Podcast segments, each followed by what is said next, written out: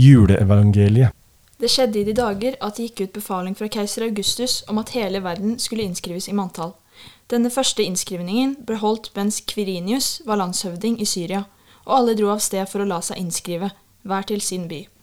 Josef dro da fra byen Nasaret i Galilea opp til Judea, til Davids by Betlehem, siden han var Davids hu hus og ætt, for å la seg innskrive sammen med Maria, som var lovet bort til ham, og som ventet barn. Og mens de var der, kom tiden da hun skulle føde, hun fødte sin sønn, den førstefødte. Hun svøpte ham og la ham i en krybbe, for det var ikke husrom for dem.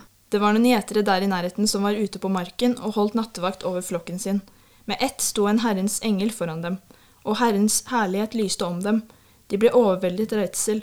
Men engelen sa til dem, Frykt ikke, se, jeg forkynner dere en stor glede, en glede for hele folket.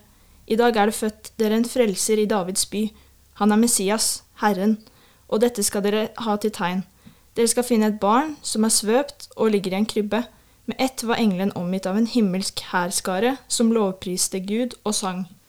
Ære være Gud i det høyeste, og fred på jorden blant mennesker som Gud har glede i.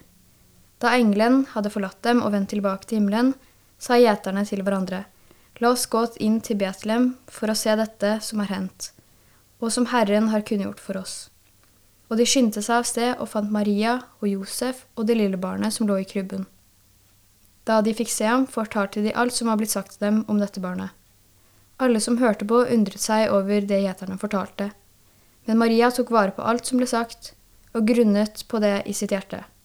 Gjeterne dro tilbake. De lovet og priste Gud for alt de hadde hørt og sett. Alt var slik som det var sagt dem.